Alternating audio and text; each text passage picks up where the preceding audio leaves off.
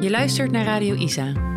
Het enige radiostation waar ik kan zeggen wat ik voel zonder gecensureerd te worden. Ik geloof dat corona is bedacht voor het uitrollen van een agenda die neerkomt op het installeren van een totalitair regime. En dat inzicht heeft een heel mooi proces in gang gezet, al zeg ik het zelf. Daar wil ik over praten, maar niet meer op de kanalen van Big Tech. Ik kies voor mijn eigen frequentie. Welkom bij Radio Isa. Uh, welkom lieve mensen bij een nieuwe aflevering van Radio Isa. Uh, welkom dus op mijn frequentie. Ik zit hier vandaag met Kelly den Hollander. Ik ga vandaag met haar praten over best wel een bijzonder onderwerp. Wat voor ons, nou voor ons ligt dit gesprek nog best wel open. Behalve dan uh, dat wij elkaar hebben leren kennen via, um, ja, via Instagram en daarna via de e-mail. Uh, omdat ik me op een gegeven moment begon uit te laten over de Germaanse geneeskunde. Dat is een soort van, ja, naar aanleiding van een gesprek wat ik heb gehoord met, uh, ja, van Jorn Luca met uh, eerst Brecht Arnaert en daarna met Arjen Lievers, was ik heel erg aangegaan op dat onderwerp. En toen kreeg ik van Kelly een DM en daarna een e-mail waarin ja, waarin, waarin je, jij, ze eigenlijk zei van... joh, misschien... Uh, ik, voel dat ik, ik voel dat ik even contact met jou wil opnemen hierover. Um, dus hoi Kelly, welkom. Fijn dat jij uh, er bent. En misschien, ja, misschien wil je wel vertellen wat, wat jij voelde... toen ik uh, dus ging posten over de Germaanse geneeskunde... wat jou ertoe heeft bewogen om mij te mailen. Ja, dag Isa. Fijn dat ik uh, allereerst hier aan mag schuiven en uh, om je live te ontmoeten, want dat hadden we dus uh, nog niet gedaan. Um, ja, dat is een, een, mooie vraag, een mooie start om te kijken wat er gebeurde. Ik volg je al een poosje, ik denk vanaf het begin af aan. En um, sinds een maand nou, ik denk, want je hebt al een keertje eerder wat gedeeld na het interview met Brecht. En die had ik ook geluisterd. Uh, en daar ging ik ook aan op het Germaanse stuk. En waarom? Um, ik heb daar zelf heel veel mee te maken gehad. En uh, dat zal ik zo even verder uitleggen. En toen gingen we weer. Nou, toen voelde ik van: oké, ik moet een berichtje doen naar Isa. En dacht ik, ja, berichtje doen naar Isa. En dan? En dan wat. Maar goed, um, dat heb ik gelaten. Ik heb het er wel met een vriendin over gehad. En die uh, zei van ja, nou, misschien is het inderdaad wel een, uh, een uh, mooie insteek. Er ging weer wat tijd overheen. En toen kwam je met je verhaal op Insta over de Germaanse en over borstkanker. Um, en toen was het moment daar. Ik voelde gewoon heel erg van oké, nu ga ik, ik, Het was alsof ik het niet kon negeren. Toen heb ik je uitgelegd dat ik uh, dat de Germaanse geneeskunde voor mij een heel belangrijk onderdeel is geweest in het proces uh, van mijn borstkanker. In uh, januari 2018 gediagnosticeerd en vrij snel met de Germaanse geneeskunde in aanraking gekomen en daar ja, heel veel steun aan heb gehad in het hele proces. En dat maakte dat ik uh, na twee jaar luisteren naar je verhaal en veel herkenning ervaren in de manier waarop je naar de wereld kijkt. Uh, en dat heel mooi wist te vertalen. Dat ik nu ook voelde van oké, okay, maar dit is iets waar ik het wel graag met je over zou willen hebben. Ja. En Radio Isa is iets nieuws. Ja, zeg dat wel. He, met het geklooi, ja, je hebt het net allemaal meegemaakt. Ja. het is nog een beetje zoeken met de techniek, et cetera. Ja. Um, maar jij, uh, Kende jij de Germaanse geneeskunde al voordat je werd gediagnosticeerd met borstkanker? Mm, volgens mij niet. Alleen ik werd er al heel snel door mijn zusje werd ik daarop uh, op, op aangewezen. Van goh, hey, ken je de Germaanse geneeskunde? Wil je daar eens naar kijken? Wij kenden wel al uh, de. Ik zag bij jou ook een boek staan van uh, Christiane. Ja, en, Weerland. ja. Dus ik ken wel de betekenis ziekte, lichaam en achterliggend trauma of iets wat het, dat het lichaam jou iets wil vertellen. Dus ik had wel al een andere insteek, uh, alleen de Germaanse specifiek. Daar heb ik me pas in verdiept op het moment dat ik, uh, um, dat ik al gediagnosticeerd was. Ja. Want ik weet natuurlijk een beetje al jouw verhaal. Ehm, niet helemaal in detail, maar hoe ontving jij uh, de diagnose? Oeh, um, nou dan neem ik je even mee naar um, eind 2017 dat ik onder de douche vandaan kwam en mand afdroog was en omlaag keek en ik een deukje zag in mijn borst. Uh, toen ging ik gelijk voelen en voelde ik daar een knikkertje onder. En dat was uh, tussen kerst en oud en nieuw. En ik wist, uh, ik voelde in mijn lijf direct een, wel een paniek. En ehm, ik had ook wel direct zoiets van, dit is niet goed. En toen heb ik ehm, mijn huisarts gebeld en toen ben ik langs geweest. En afhankelijk zei de huisarts van, nou, ik denk dat het niks is. Laten we het maar even aankijken. En toen zei ik zelf, keek ik haar zo aan. En waarop ze wel zag van, oké, die vertrouwt. Maar ze zegt, kan je ook doorsturen naar de mama poli? Nou, ik zei, dat is goed. Maar dan mag je er gelijk wel bij vermelden... dat ik geen mammografie wil en geen punctie. Dus dat ik daar dus... Ja, op wat voor een onderzoek dan ook. Achteraf bleek ze van ja, nou dan krijg je een echo. Wat maakte dat je toen al zei dat wil ik niet? Ja, ik heb het. Um, um, ik heb het niet zo heel hoog met uh, farmacie en uh, de medische wetenschap tussen haakjes. Ik heb daar een uh, gezonde dosis argwaan volgens mij op zitten of wantrouwen. Wat. Um, wat denk ik gestart is bij de bevalling van, van mijn eerste kind. En, uh, en door de jaren heen veel geleerd, ook daarover. En door de boeken van Christiane ook wel de koppeling gemaakt van ehm, dat, dat het lichaam een, een signaal geeft van iets wat er gezien mag worden of ervaren mag worden.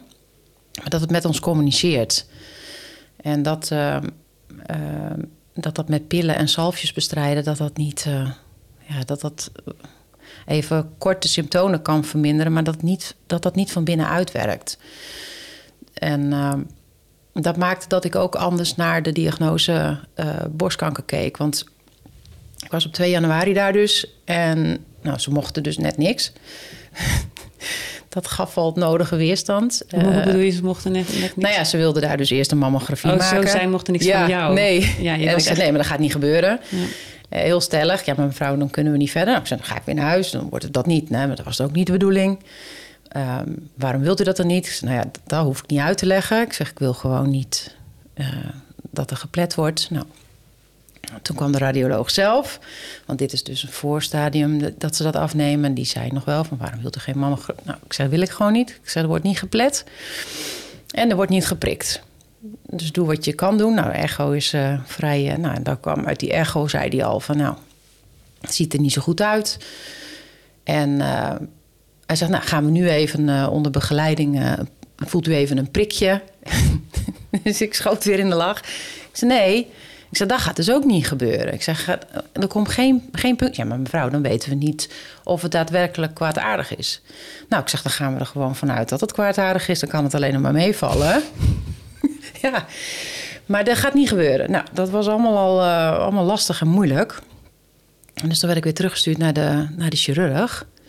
En daar uh, kwam de chirurg met, uh, met, met twee, nou, ik noem het maar even hulptroepen zwaargewichten om mij toch nog weer zover te krijgen dat ik dat toch ging, ging prikken. Toen, nou, dat gaan we niet doen. Hij zegt, waarom niet? Nou, ik zeg, waarom niet? Um, op het moment dat jij in die tumor gaat prikken, maak je iets open. Je gaat met een best wel dikke naald erin. En dan, ja, maar zonder dat weten we, hebben we niet zeker wat het is en hoe we het moeten gaan behandelen. Ik zeg maar, um, stel, ik wil het niet laten behandelen op de manier zoals jullie dat van plan zijn, dan zit ik met een wond. Ja, theoretisch is dat zo, maar we gaan direct over tot behandelen. Ik zeg maar, je luistert niet. Jij maakt iets stuk. Binnen vier weken wil je dat ik in dat protocol word behandeld. En dan, ehm, dan lopen jullie zo min mogelijk risico dat die cellen, want theoretisch zei die van ja, dat klopt wat je zegt, maar we gaan direct behandelen en dus verminderen we die uh, uitvloeiing van, dat, van die cellen die er dan uit dat gaatje zouden kunnen komen. Ik zei, ja, maar ik wil niet behandeld worden op de manier zoals jullie dat voor ogen hebben. Oh, was het toen. Ja, dus, dus dat prikken gaan we niet doen. Gaan we gewoon niet doen. Nou, mevrouw, wat gaat u dan doen? Ik zeg, ik ga naar huis. ik ga even nadenken. Ik ga het even laten bezinken. Ja. Toen kwam er zo'n heel... Uh, hij ging weg, echt schoorvoetend. hij kon zich echt inhouden. En ik weet dat, dat het lastig is vanuit zijn positie... dat je iemand ja, die gewoon nee zegt. Toen werd er nog een hele, um, hele lieve verzorgende op me afgestuurd... die heel dicht naast me kwam zitten met een hand en een arm. En als je wil huilen, dan. Dus die zat mij een soort van ja, los te weken, leek het wel. Van ik, maar ik moest nu toch wel gaan huilen met deze verschrikkelijke diagnose. Um, ik geloof dat het er nog gelukt is ook. maar goed, ik ben naar huis gegaan. Ik zeg, uh, het is goed, ik ga naar huis, ik ga erover nadenken. Ja, maar ja, laten we dan over vier weken... Belt u me dan volgende week of zo? Ik zei, nou, ik denk niet dat ik er volgende week al uit ben, maar ik zeg, ik wil gerust even bellen. Even de dokter geruststellen. Ja, dat. dus hij, uh, hij had een belafspraak weten voor elkaar te krijgen. En uh, daarin probeerde hij dat een week later dus inderdaad nog een keer. En ik zei, nee, maar ik, ik zeg, ik weet echt nog niet wat ik ga doen. Ik, uh, ik laat het wel weten. Maar hoe voelde jij je? Want jij kreeg... Ik bedoel, jij was dus blijkbaar al... Ja, op de hoogte, of in ieder geval je was bewust van de relatie tussen psyche, lichaam, shock, trauma. Ja. Jij kreeg van een dokter in een witte jas te horen: mevrouw, u heeft dit en dat, u heeft kanker, ja. borstkanker. Ja. Jij was wel, jij, was, jij voelde van oké, prima, maar ik ga dit even mee naar huis nemen en ik ga er even op zitten en op, op voelen. Ja. Maar hoe voelde jij je toen? Kak. Ja. Ja. Um, het is me niet nogal wat. Als je te horen krijgt dat je borstkanker hebt. Met alles, met alles wat daarbij komt. Uh, ik weet nog zo goed dat ik in dat veel te kleine kamertje zat. En dat ze dus zo, zo... Um, ja, vanuit dat angststuk. Uh, mevrouwtje, uh, ik ga vertellen wat... Hè, u heeft een dodelijke ziekte. Maar ik ga u helpen. En laat ik nou net een... Um, ik, wil, ik heb eigenlijk nooit geen problemen mee met de autoriteit, maar mensen met mij of zo. Dus um, daarmee hielp hij me eigenlijk ook. Door, dat, door die houding aan te nemen, zei ik nog harder nee. Want um, het doet me echt niks of iemand een witte jas aan heeft of niet. En uh, hij zei ook echt van ja, maar ik heb ervoor geleerd. En uh, ik ga u helpen. En als u niks doet, bent u over een jaar dood. Dat zei hij? Ja. Ja, het was echt schokkend. Ja, dat was niet in het eerste gesprek, dat was later. Toen heb ik ook gezegd van... Ik zeg, deze energie krijg jij terug. Ik zeg, succes daarmee. En dat kun je niet zomaar zeggen. Dat gaat niet. Ik zeg, het is borstkanker. En um, daar wil ik het niet mee verkleinen of zo. Maar ik heb... Um, kanker is een signaal. En ik had inderdaad die koppeling met...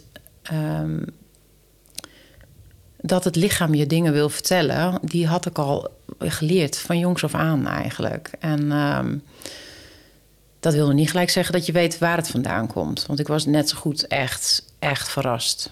Ik werd boos, want ik leefde al uh, zes jaar volgens mij in elk geval op een hele gezonde manier qua voeding. Uh, ja, ik sportte. Ik, ik, ik, ik had echt zoiets van, ja, wat is dit dan nou weer? Ja. Dus daar heb ik mezelf de tijd voor genomen.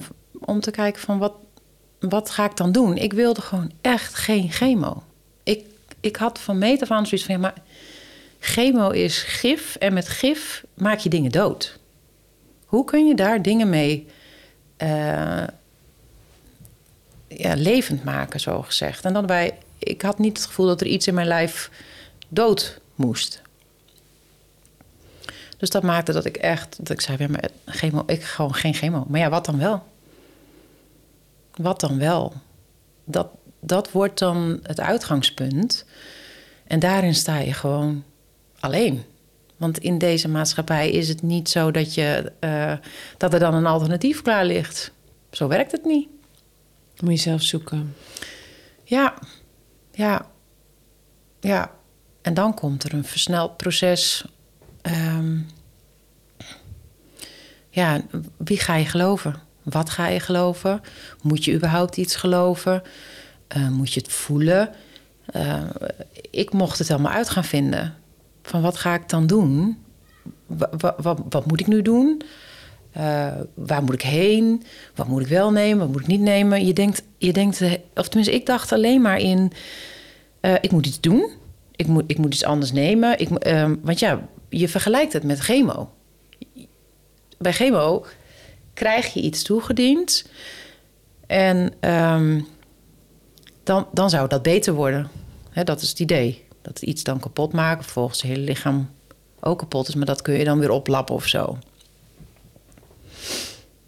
Dus ik wist het niet. Dus ik, ik, ik heb de tijd genomen. En dat werd uiteindelijk negen maanden. Voordat ik wist van zo wordt mijn dagprogramma. Dit en dit ga ik doen. Uh, dit is mijn behandelplan. Je hebt negen maanden eigenlijk de tijd genomen om voor jezelf te bedenken wat je, wat je wilde gaan doen. En die negen maanden, in die negen maanden heb je niet gedaan wat de dokters in de witte jassen tegen jou zeiden. Nee. En hoe, hoe wat vond jouw omgeving daarvan? Ja. ja, dat krijg je er ook bij. Um, ik kon me wel bedenken dat ik vanuit deze hoek weerstand zou krijgen. Dus ik heb het heel klein gehouden. Een groot deel van, van mijn familie wist het niet. Um, nee, mijn vriend, die was toen voormalige vriend, die was erbij. En um, een paar vrienden om me heen heb ik het verteld. En um, op zich, uh, mijn ouders heb ik het natuurlijk wel verteld. Maar mijn broers en zussen weer niet. Tenminste, niet direct, dat was pas later. Ik had het wel aan een, uh, ook aan een andere vriendin verteld. En daarvan had ik duidelijk gezegd: Ik wil niet dat je er met anderen over praat. Um, helaas schenden ze die, uh, nou, die vraag al door er wel met anderen over te hebben. En ik had er ook heel duidelijk bij de mensen waar ik het aan verteld had, had gezegd van jongens, ik weet nog niet hoe ik het ga doen. Ik heb tijd nodig. Ik ben aan het onderzoeken. Ik wil in elk geval geen chemo. En ik ga uh, afwijken van het protocol dus. Oftewel, ik ga niet eens in het protocol. Ik snap dat dit uh, verontrusting kan oproepen bij jezelf. Uh, maar ik vraag je toch om dat voor je te houden. Want ik heb nu de handen vol aan mezelf. En ik kan jouw zorgen er niet bij hebben. Ik moet naar binnen. Ik moet uh, zelf gaan uitzoeken. Zelf gaan uitvinden. Zelf gaan voelen. Wat is goed voor mij in dit? Um, helaas was dat um, voor diezelfde persoon uh, lastig. Ja. En uh, zij uh, vond dat zij een goede vriendin was door tenminste één keer te zeggen uh, hoe zij erover dacht. En um, hoe goed dat dan ergens ook bedoeld was. Het was uh, voor mij de reden om te zeggen: ik zet jou op afstand. Ik heb je iets gevraagd. Ik heb je twee dingen gevraagd. En niet over te praten. En om te respecteren dat ik het doe op mijn eigen manier. En uh, daar heb je twee keer moeite mee. Of kan het in elk geval niet. Maar dat is voor mij, heeft tot mij in elk geval besluit gegeven dat ik zei van jij, jij blijft op afstand. En uh, dat was een pijnlijk proces. Dat was vrij snel al. Uh, was dat. Uh, ja, kreeg ik dus van heel dichtbij uh, te maken met dat ik uh, ja, mijn grens. Ik denk, dat, ik denk dat dat was. Dat ik mijn grens heel erg hard aan moest geven. Ik, ik ben best wel conflictvermijdend. Ik ben wel steady. Ik zeg wel de dingen die ik, ehm, die ik wil zeggen. Maar het is nou niet zo dat ik het leuk vind om een conflict of zo op te zoeken of wat dan ook. En, en dit voelde wel echt, ehm, ehm, ja, vond ik pittig om te doen. Maar ik heb het wel gedaan. Ik dacht, ja, dit, dit, uh, dit, dit moet stoppen. Want dat was, was zelfbescherming, toch? Dat is zelfbescherming, ja. ja. Tenminste, ik kan me voorstellen, ik kan me heel goed voorstellen dat je als je nou, al zo sterk bent om tegen de dokter te zeggen: zoek het even uit, ik pak mijn tijd. Dan, nou, dat, dat heb ik, daar heb ik ontzettend veel respect voor. Maar dat je dan ook uh, in jou, dat je voelt eigenlijk van: ik heb. Want je bent wel kwetsbaar, je voelt je wel kak, zoals je zelf zegt. En je voelt dan wat je nodig hebt om ja, jij voelde wat je nodig had. En, en zo, zo komt het mij over dat die vriendin was niet wat je nodig had. Dus moest je haar op afstand zetten om jezelf ja. te geven wat je nodig had om het, om, het, om het avontuur aan te gaan. Ja, inderdaad. Inderdaad, om het avontuur aan te gaan. En ik, um, dat, ergens heeft zij mij ook weer geholpen. Want ik merkte ook. Um, dat die beslissing geen pijn deed op aan zich, maar dat het meer um, dat het ook heel krachtig voelde. Dat ik dacht: oké, oké, dit, dit niet. Dit is te ver. Dit, dit wil ik niet. Wat wil ik wel? En um, dat brengt me terug bij mijn eigen essentie. En dat, dat was gedurende de periode ook steeds dat ik steeds meer kracht begon te ervaren om de stappen te kunnen lopen. Want het was inderdaad heel erg gedurfd om uh, nee tegen de dokter te zeggen. En vervolgens in het niet weten te belanden. Uh, ik heb niet negen maanden zitten denken, zeker niet. Ik heb van alles uitgeprobeerd. Dingen die wel goed voelden, niet goed voelden. Uh, ja, wat moest ik gaan ontdekken? Welk, wie, hè, wat, waar ga je naar luisteren, wat niet? En, en daar wilde ik niet naar luisteren, naar, naar vrienden of vriendinnen die, uh, die zeiden dat ik dat wel moest doen, want daar kwam het op neer. Ja. ja. Uit waarschijnlijk zorg en liefde naar jou toe.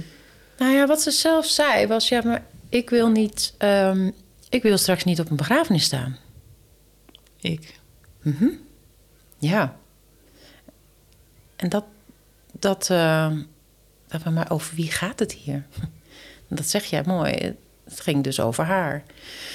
En dat, uh, dat managen van anderen hun eventuele verdriet, of het verdriet wat al in hun aanwezig is en wat ik oproep op dat moment. Hm. Maar je krijgt het wel op je bord. Ja. Je krijgt het gewoon op je bord. Bij wat ik al had liggen. En, en dat trok ik niet. Dus moest ik echt. Stop daarmee. Ja. En toen, want toen begon, ja, in die negen maanden kan ik me heel voorstellen, jij, jij bent gaan zoeken en gaan voelen. Wat was daar je eerste stap in? Um, nou ja, zoals ik al zei, ik, was, uh, ik, ik, leefde qua voeding plant-based. En uh, ik denk, nou ja, gezonder als dit uh, wordt het niet. Dus daar ga, ik, daar ga ik niet aan lopen schroeven. Het enige wat er zou kunnen zijn, is dat ik weer ooit vlees ga eten. Omdat dat weggevallen was. Maar ik zocht het eigenlijk niet zozeer in, uh, um, in dat soort uiterlijkheden of zo. Het gaat wel over voeding. Maar waar voed je jezelf mee? Met welke gedachten voed je jezelf? Um, met welke mensen voed je jezelf? Ik werd zo snel geconfronteerd met deze voeding, negatieve voeding, dat ik dacht, oké, dat, dat kan ik er niet bij hebben. En de correlatie tussen um, uh, een, een ziektebeeld en een, um, een, trauma of iets wat je, wat je hebt te leren, was, was er wel. Dus ik moest ook gewoon echt naar binnen. En uh, dat is, dan moet je de ruis moet je gaan, uh, gaan, gaan verwijderen. Um, een van de eerste gedachten was: oké, ik ga dood. Oh, ik wil uh, die en die nog zien. En dat was echt heel shocking. Want ik dacht, ten eerste ga ik niet dood. Uh, maar het is wel interessant dat, ik, dat die persoon omhoog komt als... Um, maar dan wil ik die sowieso nog zien. Ik heb uh, contact gezocht met die persoon. Ik denk, ja, daar hoef ik niet voor, voor dood te gaan, hè? Als ik die zo graag weer wil zien... dan moet ik daar volgens mij gewoon even contact mee gaan zoeken.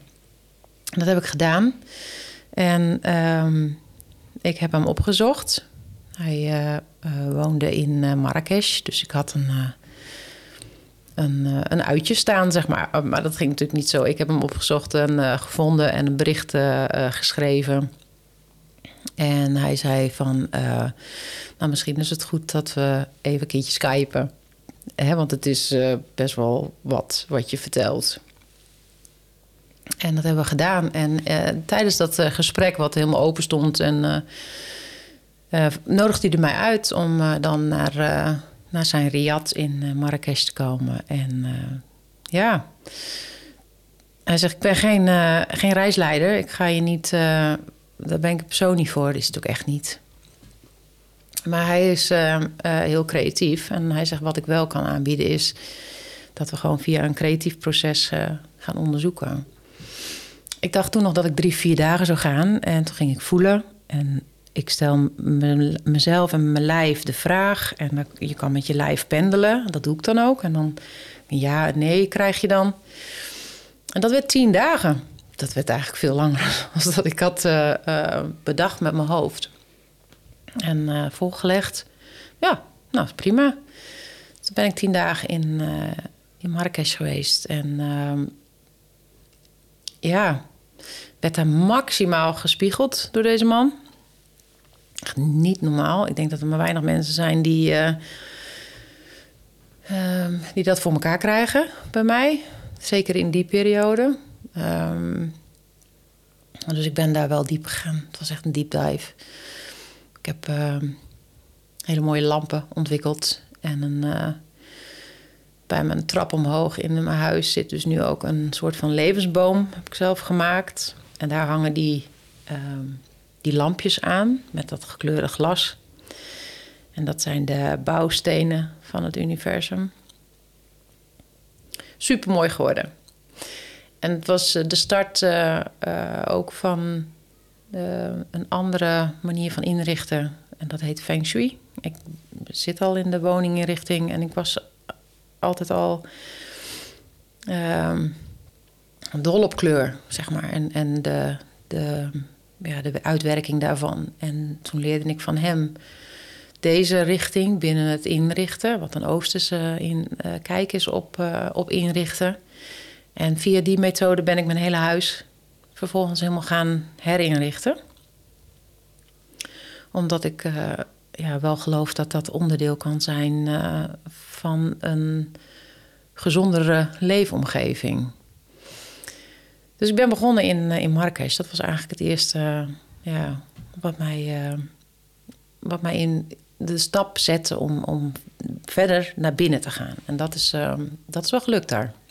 Maar, maar wat was die man? Dan zat hij erop of zo? Was het een shamaan of was het gewoon een, een ex of gewoon... Nee.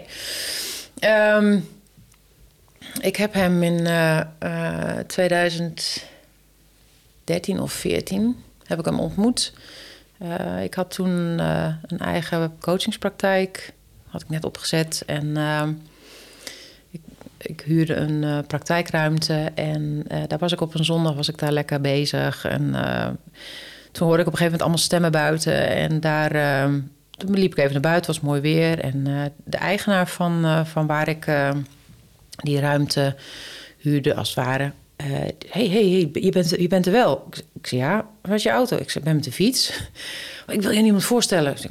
Oké, dus nam me mee en hij stopte de auto. Die zou al wegrijden. En uh, daar stapte zijn zoon uit met dan uh, deze andere man, Steven. En uh, wij werden aan elkaar voorgesteld. En uh, ja, er gebeurde iets. Ehm, we hebben denk ik tien minuten staan praten, maar daar gebeurde iets. En uh, wat zo, zo, me zo ongelooflijk diep geraakt heeft.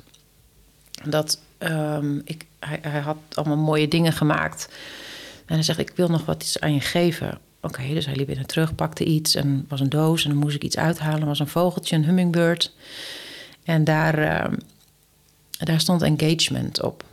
En er zaten allemaal verschillende woorden stonden eraan, die vogeltjes. En die kreeg ik. En dat raakte me zo. Want wat ik voelde op dat moment in die tien minuten... ehm, dat kan ik niet omschrijven eigenlijk. Dat is niet met geen woord te bevatten. En hij rijdt weg en de eigenaar rijdt ook weg. En ik sta daar, ik weet het nog zo, ik sta daar met mijn blote voeten op het grind en ik sta om me heen te kijken en ik denk, wat de fuck was dit? Hm. Wie is dat? En hoezo sta ik hier alleen? Vervolgens gaat mijn telefoon, dus ik, ik neem op en, en eh, ik. Ja, ehm, ja, eigenaar. Ja, ehm, kun je even kijken of de garagedeur nog open staat? Nou, ik stond daar dus nog steeds. Ik kijk opzij. Ja, ik zei, die staat open. Hm. Nou, ik zei, je was niet de enige die... eh, ehm, ja, ik, ik was een beetje in de war, zei hij. Oh, ik zei, nou, er staat er hier nog één. Sta je er nog? Ja, ik zeg, ik sta er nog, ja. En toen vertelde hij dus dat hij de auto om het hoekje had neergezet. In de huilen was uitgebroken. Eh, ik ook. Later nog een keer. Ik, ehm, het was zo, zoiets aparts. ehm, wat iedereen dus gevoeld had. Maar de persoon in kwestie geloof ik niet. en ik heb twee dagen gehuild. En toen heb ik toch maar contact opgenomen met hem nog eens. En eh, nog een, een afspraak eh, ingepland. Toen ging hij me vertellen over alles wat hij had gecreëerd. En supermooi. En ik heb naar hem geluisterd. En ik, ik weet niet wat het was. Maar ik was gewoon ja, betoverd of zo. Eh, ehm. maar goed, toen- pas aan het eind zei ik maar je zet nu al die spullen ertussen... maar het gaat mij om jou. En oké, eh, oh, wacht. Nou. En toen, toen werd er een knuffel. Hij zegt, dan kom even een knuffel. Dus toen hadden we elkaar vast. En toen maakte die ruimte. Toen keek ik hem aan, Isa. En toen zag ik een ander gezicht. Maar hij zei op hetzelfde moment... hé, hey, je gezicht is anders. Oh, oké, oké. That's weird. En toen was het weer klaar. Ehm, ik heb hem daarna geloof ik nog één of twee keer gezien. Ehm, maar dat was wel zoiets eh, intens... dat ik echt dacht van... ja, maar dit, dit gaat veel verder. Wat was dit? Daar ben ik niet achter gekomen. Maar op het moment dat ik die diagnose kreeg... Moest je naar hem toe? toen moest ik naar hem toe. Toen dacht ik, ja, wie ben jij? Wat, wat, waar kennen wij elkaar van? Wat, want wie, wiens gezicht zag ik daar? Dus toen ben ik ehm, naar hem toe gegaan. En ehm, er is nooit wat gebeurd tussen ons of wat dan ook. Dat was ook helemaal niet de Dat intentie. Alleen dat het wel door mijn systeem is gegaan. Want je denkt, zo, die is bijzonder, daar moet ik wat mee. Of eh, weet je wel, je gaat dat vanuit dat aardse stuk. Maar dat, toen dacht ik, maar dat is het helemaal niet. En het was grappig. Ehm, hij is, wij hebben zelf een soort creativiteit. Hij is wel een stuk ouder, maar die bewoners in Marrakesh... die zeiden allemaal van... Hey, your bro- brother and sister? Oh ja. Ja, ik weet het niet. Ik denk dat wij elkaar... eh, maar het was goed dat ik er was. En, en eh, ehm, ik heb wel toen tegen mezelf... na de eerste ontmoeting gezegd... voor, voor dit, minder dan dit nooit meer. Dus dan leg je de lat ook wel lekker hoog. eh, vooral als je hem, als je hem tilt naar een relatie, zeg maar. Terwijl ik heb later gelezen over... eh, want je gaat natuurlijk op zoek van wat was dit dan? Hè, tweelingzielen of iets in die... eh, die zijn sowieso niet bestemd om bij elkaar eh, te zijn. Maar als je elkaar ontmoet, dan is dat wel heel bijzonder. En eh, ja, ik voelde dat ik naar hem toe moest. En dat waren tien hele mooie dagen in creatie. En wat heeft het jou gebracht om te luisteren naar die, dat gevoel en daar dus tien dagen te zijn? Waar ben je, hoe ben je naar huis gegaan? Eh, dichter bij mezelf dan ooit. En ehm, Ik zat in een relatie die eh, direct daarna ook eh, beëindigd is. Ehm, dat ging niet charmant, maar ehm, ik, kwam daar gewoon meer in contact met mezelf. En van wat wil ik en eh, mijn creatieproces. Ja, dat ik, daar, eh, eh, dat ik daar meer aandacht voor moest hebben. Van wat, wat wil ik? En ja, waar wil ik voor leven? Dat soort vragen, echt hele grote vraagstukken. Hij, hij, attendeerde me op mijn taalgebruik. De woorden die je spreekt, die je zegt, wat die voor energie meegeven, eh, wat je zeg je tegen jezelf. eh, hoe maak je jezelf belachelijk? Door sarcasme of door. eh, ik hou van een, een lolletje, zeg maar. En, en, en ook wel sarcasme. Ik vind het wel. Ja, ik vind het een leuke manier, maar goed, niet iedereen. En hij attendeerde me, de- attendeerde me daar gewoon constant op. Van hoe praat ik met mezelf? Wat zeg ik tegen mezelf? En eh, ja, hoe luister je naar jezelf? En door dat, door dat fine-tunen... ehm, kon ik beter naar binnen... kon ik beter voelen van... oké, maar wat is dan mijn volgende stap? En eh, ja, dat moest ik uitgaan. Of moest, dat wilde ik uitbreiden. Dus dat nam ik mee uit Marrakesh. En eh, ehm, ja, met andere ogen naar mijn eigen woning gekeken. Wie woont hier eigenlijk? Wie woont hier? Ik keek in mijn huis, ik was terug en ik liep rond en ik dacht, wie woont hier? Geen foto, geen kleurtje, geen. Is, ben ik dit? Dit is mijn huis. Maar ik, ik, ben, ik ben echt alle dagen bezig met andermans huizen aan het inrichten. Hoe zit, hoe zit het met mijn eigen huis? Wie woont hier? Maar dat kon ik terugvertalen naar binnen. Wie bewoont dit lijf? En daar, eh, ja, daar ben ik mee aan de gang gegaan. En, want het is, ik vind het heel bijzonder, want ik wist dit ook allemaal nog niet. Want eh, ik kan me voorstellen, zeg maar, jij krijgt een diagnose. Normaal gesproken gaan mensen dan volgen eigenlijk hè, het protocol. Je krijgt een soort rattenplan. Je geeft je ook vaak over eigenlijk aan het, ja, aan het niet weten, maar wel dat iemand anders het wel weet. En je gaat gewoon een procedure in. Je weet elke keer wat de volgende stap gaat zijn, zeg maar. Ja. Ehm, ja, nou, de, de reden ook dat wij eh, eigenlijk ook in contact met elkaar zijn gekomen, is dat mijn moeder, eh, daar kwam ik toen achter toen jij mij mailde, dat jouw kanker was dezelfde kanker als mijn moeder. Dus ik heb dat proces, zeg maar, natuurlijk heel anders meegemaakt. Ik had gewoon vanaf ja, moment één, als het ware, had ik, ja, was ik, woonde ik met een vrouw die, die, die dus het andere deed. Het, het, wat jij niet deed. ja. En mijn, ja, mijn moeder, die leeft niet meer. Die is twee jaar, twee jaar daarna overleden. Emo. En dat raakte me toen ook zo toen mij mailde. Want ik was 14 toen mijn moeder die diagnose kreeg. En 16 toen ze stierf. En volgens mij of jouw oudste of je jongste. Je jongste had exact zeg maar de Ja. leeftijd 14 toen jij de diagnose kreeg. En 16 toen jij genezen verklaard was. Ja. Of gewoon beter, gezond weer was, Ja. zeg maar. Dus ja, ik, in ja, ik vind het gewoon, zeker ook hoe je dan dit, dit gesprek, hoe dat dan tot nu toe gaat, zeg maar. Het gaat helemaal niet over, bijna over welke pillen nam je of eh, bij welke dokter kwam je. Het gaat over een man waar je naar naartoe ging in Marrakesh en dat je je huis ging inrichten, zeg maar. Weet je, het zegt zoveel over hoe jij dit proces bent aangegaan Ja. op echt andere lagen. Ja. En uh, ja. nou, ik kan me ook voorstellen dat mensen die dit luisteren, die, die denken, waar gaat dit heen, joh? Ze had toch kanker, weet je? Ja, En, ja. Maar wat deed ze dan? Wat deed ze dan om beter te worden? Want ik heb het nou wel een beetje weggegeven, want jij bent hartstikke gezond. Ja. Jij, bent, jij, bent, jij, jij hebt de diagnose gekregen, je hebt je eigen Pad gelopen. pad gelopen en je bent beter en je hebt geen chemo of geen bestraling, geen mammografie, geen punctie Nee. gehad, zeg maar.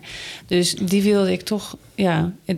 nou, dat, dat wou ik er even ingegooid hebben. Ehm, Maar ook wel het stuk waarom het voor mij ook zo bijzonder is. En waarom er ook een beetje spanning op het gesprek zit voor, aan mijn kant. Mhm. Niet omdat ik dan denk van... mijn moeder had ook kunnen leven, want dat is het echt niet. En ik denk gewoon dat zij met een reden is gegaan. Maar het maakt het wel persoonlijk... omdat ik de hele tijd ook mijn eigen stukje voel. Ja. Dus dat wou ik even gezegd hebben. Mhm. Maar je had lekker je huis feng shui ingericht. Oh jeetje. Ja, en weet je, en, en wellicht, ja, wellicht was het afleiding, of was het. Maar dat zijn nou eenmaal de stappen die ik heb genomen. En ehm, ondertussen werd ik ook uitgedaagd om te kijken, eh, omdat die Germaanse wel de hoek om kwam zeilen op een gegeven moment. Ehm, om wel te kijken van wat zegt, wat zegt de tumor tegen Ja. mij. Ehm, wat, wat, eh, wat, wat, wat zie ik niet? Want in die negen maanden heb ik dit gedaan. Ben ik nog bij een aantal healers geweest. Of zich daarvoor uitgaven. Ik, bedoel, ik heb ook mijn... Later dat ik dacht, nou, dat weet ik niet hoor. Of dat wat was. Dat- eh. goed. ehm, ik had ehm, wel in de gaten dat het, ehm, dat stuk moeder-kind... waar die eh, tumoren in mijn linkerborst als rechtshandige eh, voor staan... dat ik daar wel mee aan de gang moest. En daar werd ik ehm, ook weer... Ja, extra door geattendeerd... omdat ik eh, na de geboorte van Noah, de oudste... heb ik mijn placenta laten invriezen van hem. Dat had ik gezien bij een programma De Stoel, vroeger nog. En ehm, dat, ik dacht, dat gaan we doen, want daar zitten essentiële stoffen in en dat gaan we doen. Dus daar moest ik ineens weer aan denken. Ja, maar dan heb ik dus nu mijn geneesmiddel. Want dat werd toen gezegd, van dat kun je dan daarvoor gebruiken. Maar hij is voor mij en voor mijn zoon. En toen kwam ik, ja, maar ik ga het, ga het niet voor mezelf gebruiken nu. Als mijn zoon nou ooit later wat krijgt, dan heb, heb ik nu zijn medicijn. En toen wist ik, ja, dit gaat echt over ons. Dit gaat over de moederwond. Ehm, en dat was, wel, dat was wel heel heftig om daarmee aan de gang te gaan. Ehm, we hadden het er net al even kort over. Ehm, moeder worden is nogal impactvol. En ehm, eh, de geboorte van, van schuldgevoel kwam bij mij toen mee met de placenta of zo. En ik heb het ook nog, ook nog bewaard. dus ik hoorde mezelf zeggen. en toen moest ik gaan kiezen. Moest ik dan. nou, dat was wel een procesje. Ik heb maar gewoon met Noah overlegd. Ja, natuurlijk zegt zo'n lief dan... mam, alsjeblieft, gebruik het. Want die wil niks liever dan dat je weer eh, beter wordt. Maar daar moest ik echt even doorheen. Dus dan, dan zie je al dat, dat je dus ehm, als moeder zijnde... alles maar voor je kinderen wil bewaren. Maar ik zag ook ehm, dat ik omwille van schuldgevoelens naar hem toe... naar echt een rukbevalling... Ja, want dat zei in het begin Oh. eigenlijk al. Daar is, daar is misschien wel de strijder Kelly geboren. met dat je zo dat je op je bek bent gegaan. Dat je bent, je bent eh, in de steek, je voelde je in de steek gelaten door. Ja, door de wetenschap, door de medici. Ik ben, ik, ehm, er is tegen. Ik weet niet of ik in de steek ben gelaten. Ik, eh, ik werd gedwongen Ja. eh, om, om te gaan bevallen, terwijl mijn lijf helemaal niet wilde bevallen. Maar ehm, ik was voor een controle geweest en er zaten drie pikkeltjes eiwitten denk ik in die urine. En, en mijn hartslag was wat verhoogd omdat ik vanuit, hè, ik ben, eh, wij hadden, we hadden toen nog ons eigen binnenschip, mijn eh, toenmalige man. En eh, ik was vanuit Werkendam naar Zwolle toe gereden omdat ik daar mijn controles had, en, want ik zou gaan bevallen in Zwolle, we zouden het schip daar neerleggen.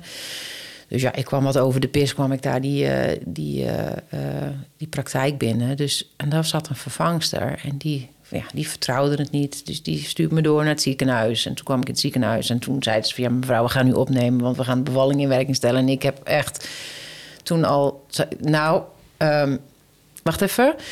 Ik ga eerst even naar boord, want we moeten het schip nog van Werkendam naar Zwolle varen. Dus toen zei ik eigenlijk al nee, want ze wilden me die dag opnemen. Ik zei, nou, dat gaat niet gebeuren. Ik ga eerst naar huis, naar boord.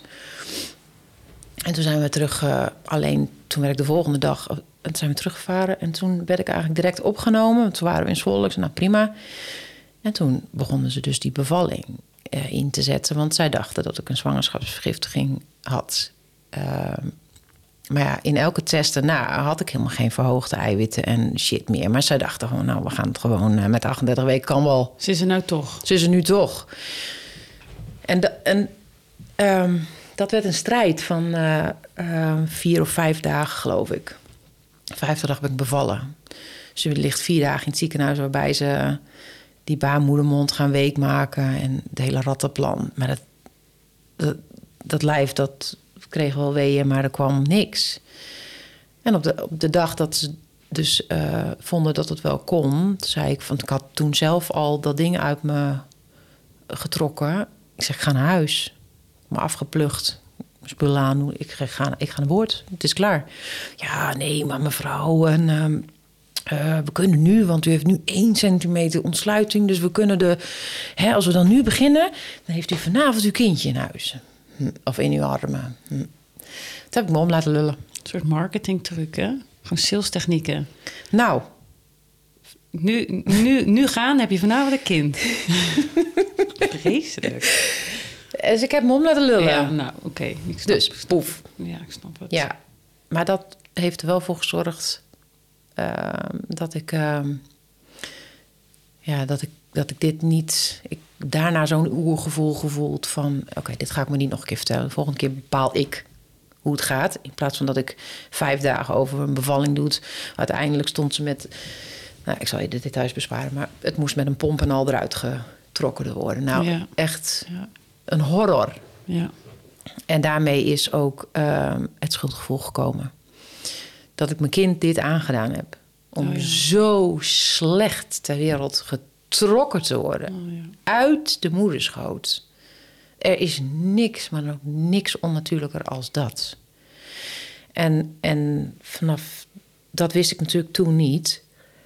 Um, is er wel een, een, trauma ontstaan. Ik weet nog dat ik een jaar lang er aan het over lullen ben geweest. Maar het lijf slaat dit op.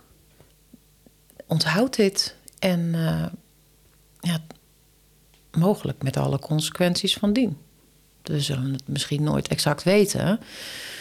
Maar voor mij staat het als een paal boven water dat dit wel een van de tumoren was. Want je had er vier, hè? Ja. Vier in één borst. Ja. In die linkerborst. Ja. Want heel even terug, jij zegt, want ik weet waar je het over hebt. Je zegt als rechtshandige had ik in mijn linkerborst vier tumoren. En vanuit de Germaanse geneeskunde is er een onderscheid tussen hè, kwetsuren aan de rechterkant van je lijf of aan de linkerkant van je lijf. Maar dan heeft het wel weer te maken of je rechts- of linkshandig bent. Ja. En uh, dit mogen de, de, luisteraars zelf heel goed lekker gaan onderzoeken op gema geneeskunde.nl. Ja. Maar in elk geval was dus de linkerborst voor jou uh, stond dus voor het wat zei je nou? Het nest. Een nest. Moeder-kind. En dan heb je inderdaad onderscheid in als jij tumoren in je borstklier hebt of in je melkgangen. Daar zit de ene is een nestzorgconflict en de ander is een scheidingsconflict. Ja. En bij mij noemden ze het een mammacarcinoom en dat valt onder het scheidingsconflict. Ja. Dus het scheiden van moeder-kind. Nou, uh, de manier waarop we gescheiden werden in den beginsel was natuurlijk al niet best. Als je kind van je uit je lijf getrokken wordt. Ja. Um, en vervolgens kwam er een, een eigenlijk nog wel pijnlijker moment haast, of van even grootte, was de scheiding. Uh, hij was toen negen jaar. En het moment dat ik uh, en zijn vader vertelde dat we gingen scheiden, zag ik letterlijk de grond onder zijn voeten verdwijnen. En die blik in zijn ogen, van dat moment, oh, um, dat heeft er wel heel erg in gehakt. En daar heb ik me een lange tijd heel schuldig over gevoeld. Dus dat was tumortje 2. Maar even zo. Tumor nummer 2. We hebben hem. ik had wel wat te doen, zeg maar. ja, ja, ja. nou ja, en dan um, uh, drie ook maar. Die heeft meer te maken met uh, mijn eigen moeder-kind relatie. Want ik was um, in 2013 um, tot de conclusie gekomen dat ik de symbiotische band tussen moeder en mij wilde nou ja, losmaken. Weet je, een goede band hebben is fijn. Symbiotisch is weer wat minder fijn. En uh, daar ben ik zelf mee aan de gang gegaan. Ik heb daar toen wel daarna veel over gelezen na de diagnose. En mogelijk heb ik dus zelf daar een scheidingsconflict in werking gezet. Dus ja, check, nummer drie was er ook. En nummertje vier heb ik um, van een van die uh, paragnosten, medium, gehoord. Dat ging meer, dat was een oude, dat ging meer over dat ik door mijn open noodloos in de kou was gezet. Ik kan die niet helemaal duiden. Ik, um, die andere drie waren voor mij helder, die vierde niet zo. En het gekke was ook wel dat in oktober 2018 uh, ik voor een MRI ging. En toen bleek ik een uitzaaiing in mijn lymfeklier te hebben. Maar was er eentje uit mijn borst weg. Dus toen had ik er drie nog in mijn borst zitten en uh, één in mijn lymfeklier. Uh, dat was wel schrikken geblazen. Want toen is het moment ook gekomen dat ik het uh, naar buiten heb gebracht. Omdat ik toen ik toen de, de, de kamer uitkwam, zeg maar, ik wel heel erg over de pis was. Dat ik toen wel heel verdrietig was en een soort van nou, wanhoop ergens voelde. Shit, ik heb nu ook nog eentje in mijn, in mijn oksel. Dus het is aan de. Het gaat zich nu verspreiden. Dus daar was ik van geschrokken. Uh, toen ik wat van de schrik bekomen was, toen dacht ik van ja, maar wacht even. Ik mis er één in mijn borst. Is dit wel een uitzaaiing? Is dit niet. Ik was de afgelopen negen maanden met een flinke detox begonnen ook. Uh, niet alleen op mentaal gebied, maar ook uh, detoxen met, met bepaalde middelen. Uh, en ineens dacht ik, ja, maar dit is gewoon dikke kans dat het afbraak is. En dat mijn lymfeklier precies doet wat hij moet doen, oftewel filteren, opvangen. Nou, toen kon ik wel weer wat ontspannen. Maar toen had ik wel inmiddels al uh, het moment gekozen dat ik ook uh, ja, eigenlijk iedereen ben gaan inlichten. Dus dat was zeg maar ongeveer, volgens mij negen maanden, acht maanden nadat je zelf de diagnose kreeg, ben je eigenlijk naar buiten getreden. Ja. Meer van oké, dit is er aan de hand. Toen kreeg mijn werk, nee, werkgever eigenlijk ook pas te horen. Ja. Die had het eigenlijk ook al die tijd niet, uh, uh, niet geweten. Ik ging gewoon naar mijn werk, deed mijn ding. Dat is eigenlijk ook echt bizar om te bedenken dat je dus met een soort van ja, zoals de medici het dan omschrijft, dat je met een tikkende tijdbom uh, rondloopt en je ding doet. Ik ging ook gewoon nog naar feestjes toe. Um, ja, dat was ook een stukje ja, afleiding misschien wel. Om het ook nog maar een beetje normaal te doen laten lijken. Ik wist het ook nog niet, hè? Wat ik ging doen. Ik was het aan het doen. Ja. Ja.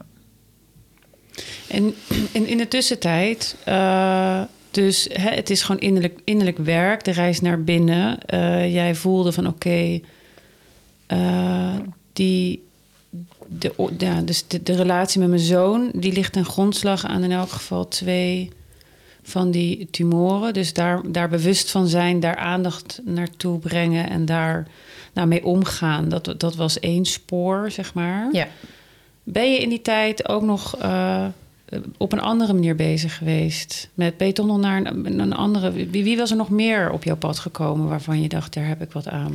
Ja, ja dat is wel even goed. Want uh, ondertussen was het niet zo dat ik helemaal um, door het ziekenhuis uit het oog of losgelaten ben. Ik ben op uh, een aantal sporen gaan lopen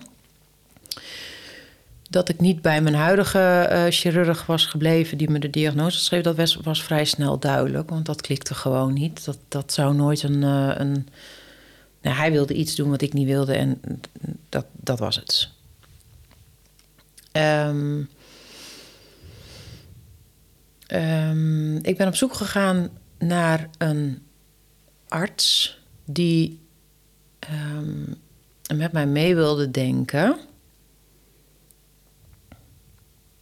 Is dat zo? Nee.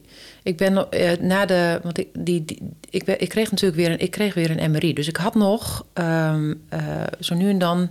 Dat had ik met hem afgesproken dat ik een checkmoment had. Dus om de drie maanden mocht ik een MRI. Want uiteindelijk na die echo, ik wilde geen punctie en geen mammografie. zei hij van, ik zei, wat kun je me nog meer aanbieden? Nou, we kunnen wel een MRI maken. Want hij wilde meer duidelijkheid. Ik was, ik was er wel duidelijk in, maar hij wilde duidelijkheid. Prima. Vanaf dat moment kreeg ik iedere drie maanden een MRI. Om dan een soort check te hebben van hoe gaat het daar van binnen? Wordt het erger of niet? En toen ik dus in oktober die MRI kreeg met die diagnose dat ik een uitzaaiing in de lymfeklier had, uh, dat was inderdaad nog in dat huidige ziekenhuis.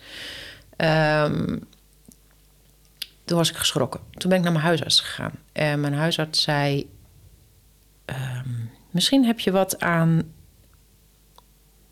Um,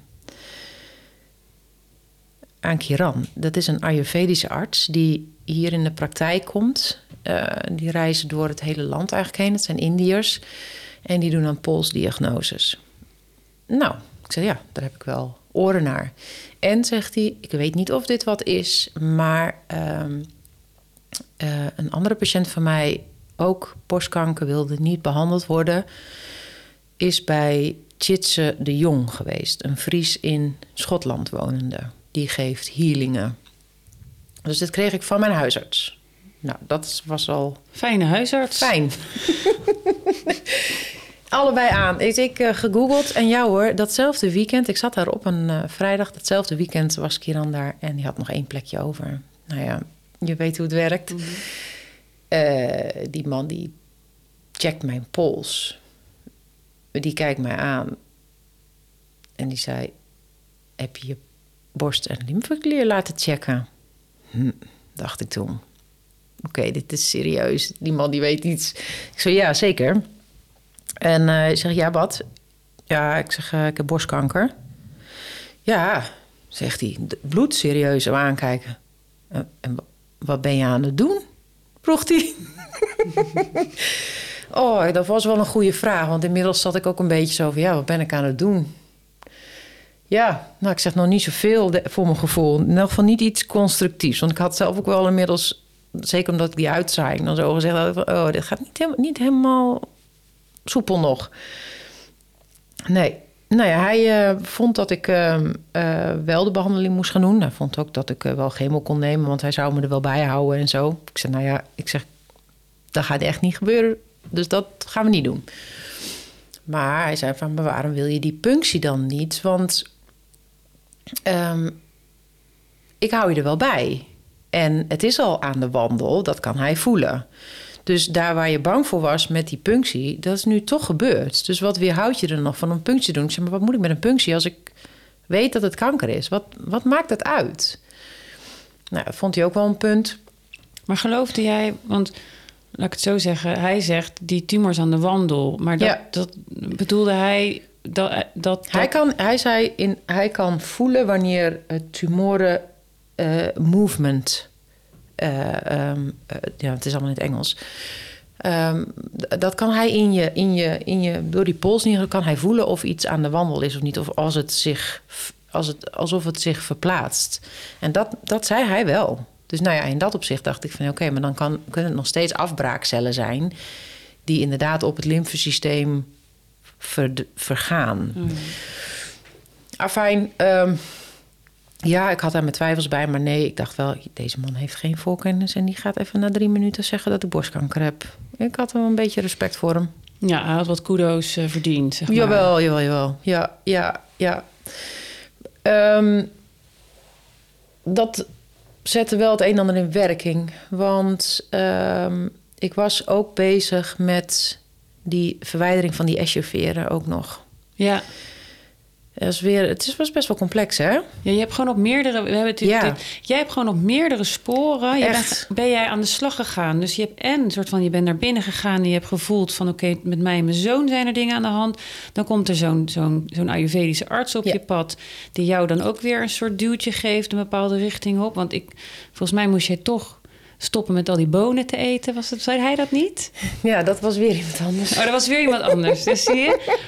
Maar Ja, via iemand. Kijk, op een gegeven moment, ehm, omdat ik zoveel input kreeg vanuit het universum of vanuit mijn tijdlijn, simpelweg Facebook toen nog. ehm, je gaat natuurlijk googlen, dus je krijgt best wel veel. Op een gegeven moment eh, zijn dat algoritmes of wat dan ook, krijg je best wel veel op je, ja, op je op, op een presenteerblaadje. En ehm, op een gegeven moment had ik wel heel erg in de gaten van, joh, ik vlieg alle kanten op. Ik moet echt beter gaan fine-tunen ja, wanneer ik waarop inga. ja.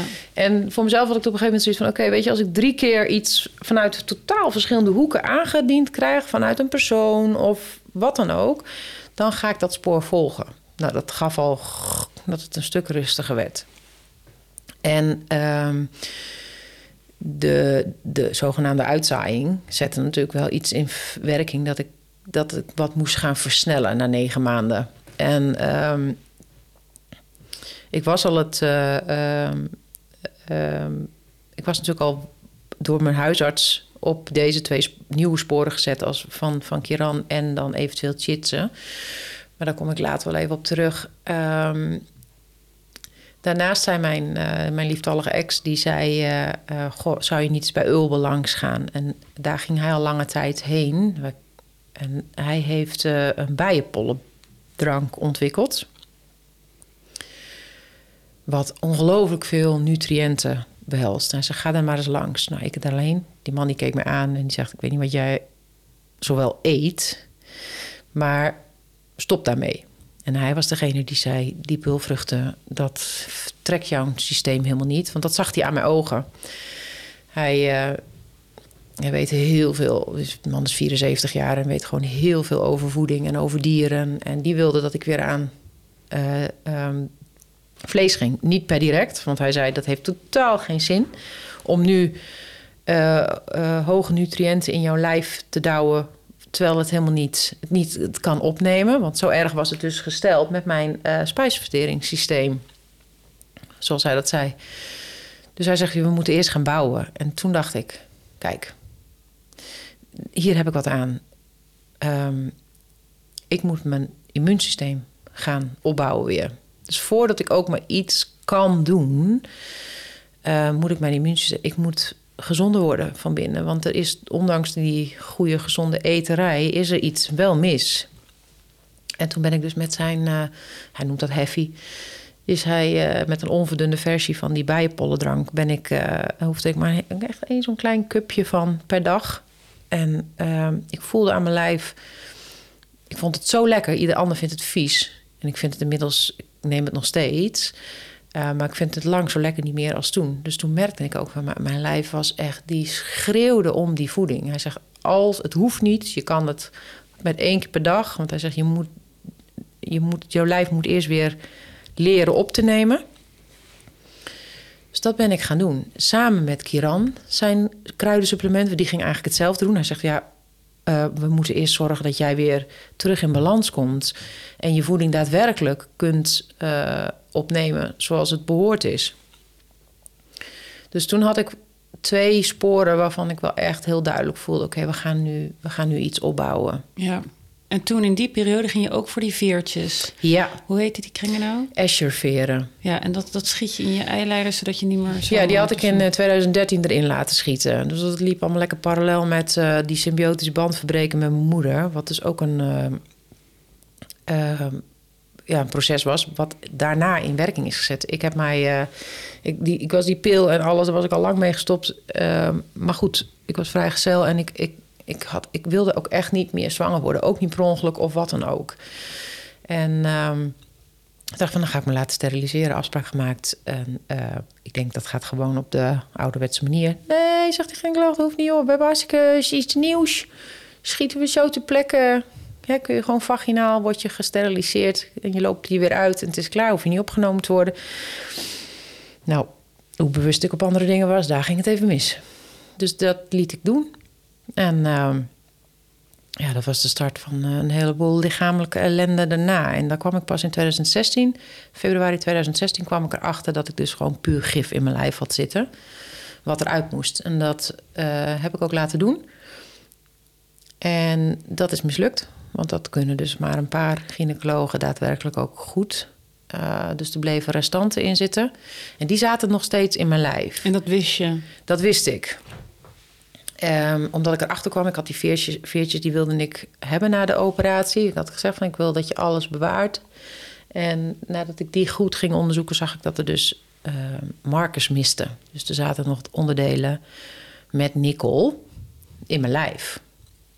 Uh, en na de diagnose, zo in, in die negen maanden, toen dacht ik ineens: die dingen, die dingen, wat een ellende.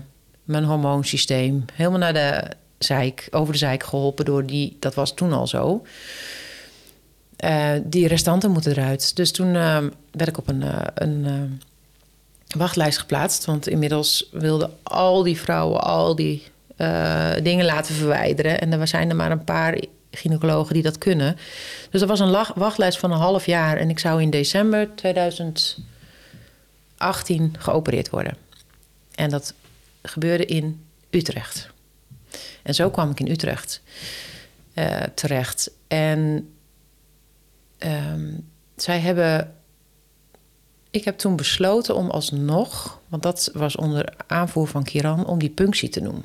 Ik zeg maar, dan gaat dat dus onder narcose zodat ik geen uh, trauma ga oplopen van die prik. Want daar zag ik natuurlijk ook een gigantisch tegen op. Plus dat ik inmiddels Jitske had gesproken, Jitse had gesproken uit Schotland. Die zou mij op afstand uh, met healings uh, tijdens de operatie daarbij zijn, zeg maar. Om te zorgen dat, het, dat ik beschermd was, dat het niet zou uit, uitbreiden. Plus ik was al met die twee maanden met die middelen bezig van Kiran en Ulbe ik denk, weet je, ik voel nu dat ik op de juiste weg ben.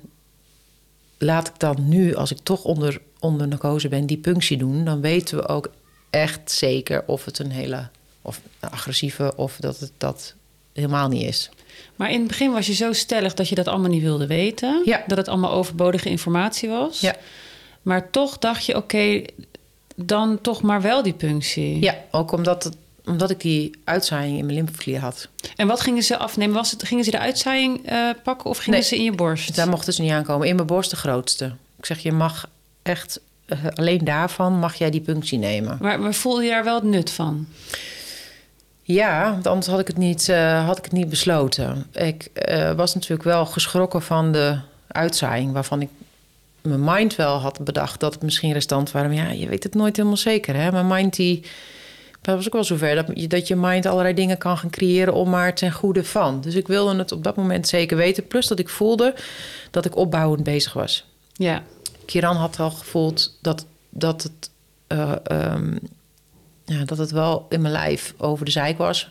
Maar met de komst van, de, van die eh, producten van Ulbe voelde ik gewoon meer zekerheid.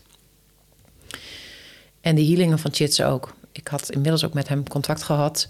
En afgesproken dat ik in februari naar Schotland ging. Dus februari 2019 ben ik naar hem toegegaan. Ben ik een week daar geweest. Heb ik uh, in totaal zes behandelingen van hem gehad. En ik uh, voelde, het voelde vertrouwd genoeg dat ze er nu in konden prikken zonder dat ik daar uh, blijvende schade van ging ondervinden. Die punctie die gaf dus ook uit dat het een kwaadaardigheid was. En ehm, dat veranderde eigenlijk niks aan de zaak. Behalve dan dat ik um, een operatie ging overwegen. Ik dacht, oké, dan is het misschien een idee om dan toch wel die... Uh, dat zou een amputatie worden. Dus daar ben ik mee aan de gang gegaan voor mezelf. En uh, dat, die had ik ook nooit afgeschreven. Dat was het enige waarvan ik dacht van... oké, weet je, um, een operatie is wat anders dan gif toedienen. En daar, uh, daar ben ik toen mee aan de stoei gegaan voor mezelf. En in Schotland um, heel veel healingwerk gedaan op die moederwond. Dus zowel naar mijn moeder, maar ook naar die van Noah. Dus dat heeft, heeft me heel veel aarding gegeven. Minder vluggedrag. Um, was een hele helende reis. En daarna heb ik een volgende stap aangenomen ook van het ziekenhuis. Maar toen was ik dus in Utrecht beland. En daar kreeg ik te maken. Uh, zij moesten een dossier aanmaken, omdat zij daar die punctie gingen doen. Moest je daar in het protocol ding weer terechtkomen. Dus je kreeg een oncoloog en een chirurg. En gewoon net zoals ze dat allemaal thuis ook uh, in Drachten deden. En daar trof ik een, uh, een oncoloog die ehm, samen wilde werken. En um, geïnteresseerd was van wat ben je dan aan het doen? En uh, wie zijn dat dan? En nou ja, ze zegt: Ik vind het wel spannend, maar uh, laten we het gewoon doen. En het mooie was dat zij een mevrouw Baas heette. Met je autoriteitsprobleem. Ik wou die gelijk ook omarmen. Ja, nou ja, blijkbaar had ik dat omarmd. Want ja, zij, zij wilde helemaal niet de baas spelen of zo over mij. Zij wilde gewoon samenwerken. En zij hoefde... Ze was nieuwsgierig bij de controles van, goh, hoe is het? En nou, het was, ik weet nog dat ik net uit Schotland was. Oh, wat heb je daar dan gedaan? En grounding, mooi woord. En zo tipte ze dat in, in, uh, in de verslag. Ja, dat was een heel mooi, het is een heel mooi mens. Inge is gewoon een heel mooi mens. En dat maakte ook dat ik meer kon zakken in... oké, weet je, we gaan die controles doen. Uh, zij had mij... Uh, ik had aan, in, na, de, na de punctie in januari ben ik bij haar geweest voor het eerst. En toen had ik al die klik mee. En toen had ze mij gezegd van... goh, is het dan misschien een idee... als je al die andere dingen niet wil... dat we de tamoxifen in gaan zetten. Tamoxifen is een antihormonaalbehandeling... die we eigenlijk pas inzetten nadat je het protocol heb verlopen. Ik zei, wat is dat dan? Nou, dat is een blok. Die zorgt ervoor dat je geen progesteron en oestrogeen meer... Ehm, niks in je lijf kan dat meer opnemen. Dus die tumor ook niet, want die voedde zich... dat was uit die punctie uitgekomen met voornamelijk progesteron. Dus echt een hormoon aangestuurd. Dat was het waarom je zou willen weten of het een... Um, een kankersoort is die hormoongestuurd is of een eiwit gestuurd. Er zit verschil in, geloof ik. Nou, oké. Ik dacht, nou, ik zei, doe me maar een paar stripjes mee. Dan ga ik wel even de komende dagen voelen met mijn lijf. Weer pendelen. En zei, wat ga je ermee doen? pendelen? nou, dus dat ik dat gedaan. Elk was mijn lijf, nee, nee, nee, nee. Dus ik, nou, ik ga het maar eens terugbrengen naar één keer per week, want dit schiet niet op. Dus mijn lijf gaf gewoon elke keer nee aan. Toen was ik in uh, Schotland geweest en de week na Schotland... Um, um, vroeg zij mij er weer naar. En toen dacht ik, oh, dat is alweer even geleden. Ik ga het even vragen. En toen was het een ja. En uh, toen ben ik ook gestart ermee. En dat, uh, uh, dat zal vast bijgedragen hebben bij uh, de groei die er eigenlijk helemaal niet zichtbaar was. Maar um, daarna werd het wel hard minder. Dus ik was en immuunversterkend bezig. En daarnaast had ik nu de tamoxifen van hun.